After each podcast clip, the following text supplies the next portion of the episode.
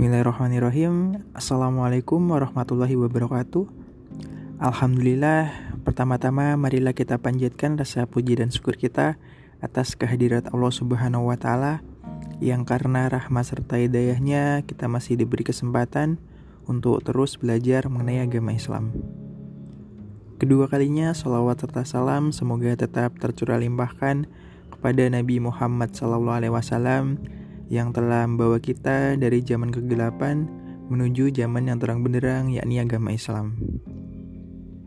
Alhamdulillah di podcast episode 18 ini kita akan berkisah dengan kisah yang berjudul Pesan untuk Pendusta.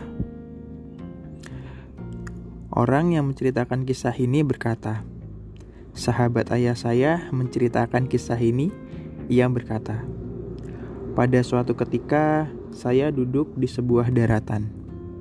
Saya menghadapkan pandangan kian kemari memperhatikan makhluk ciptaan Allah Subhanahu wa taala. Saya merasa takjub akan keindahan ciptaan Allah yang Maha Pengasih. Mata saya tertuju ke seekor semut yang ada di sekitar saya. Semut itu mencari sesuatu yang tidak ia ketahui. Akan tetapi, ia tetap mencari dan mencari. Semut itu tidak pasrah dan tidak pernah jemu dan juga bosan. Dalam pencariannya, semut itu menemukan belalang, tepatnya kaki belalang. Semut itu berusaha memindahkannya ke tempatnya dengan cara dan aturan di alam semut. Semut itu berusaha dengan keras, terus berusaha dan berusaha. Ketika semut itu tidak kuasa untuk membawanya, Semut itu pergi entah ke mana. Ia menghilang. Tidak berapa lama kemudian, semut itu kembali membawa sekelompok besar semut-semut yang lain. Ketika aku menyaksikan semut-semut itu, aku sadar bahwa semut itu memanggil meminta bantuan mereka untuk membawa sesuatu yang sulit ia bawa. Aku ingin sekali menghibur diri.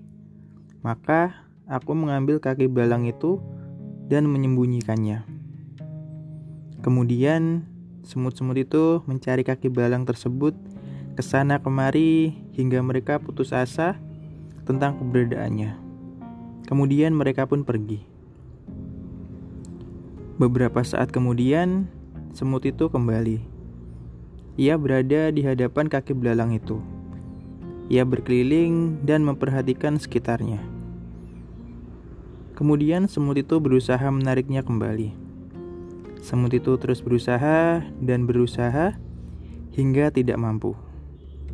Kemudian ia pergi lagi.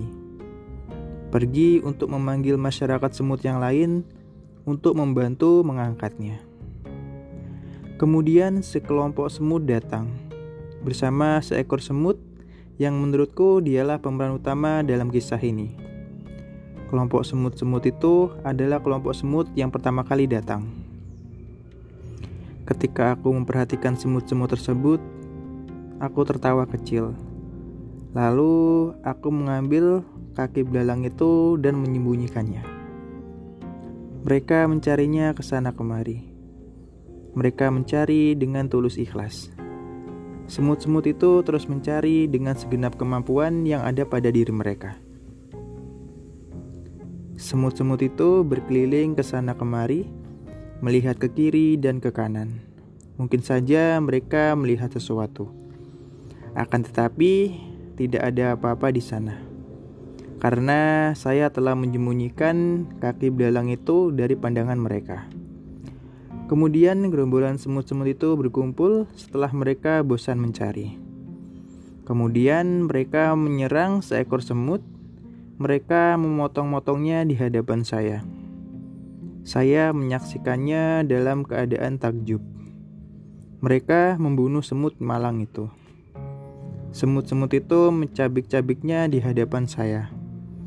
Ya, semut-semut itu membunuhnya di hadapan saya. Semut itu dibunuh karena saya. Menurut saya, semut-semut itu membunuhnya karena mereka menyangka bahwa semut malang itu telah berdusta kepada mereka.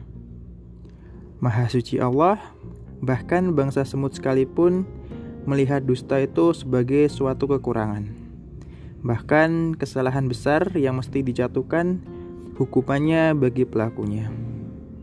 Wassalamualaikum warahmatullahi wabarakatuh.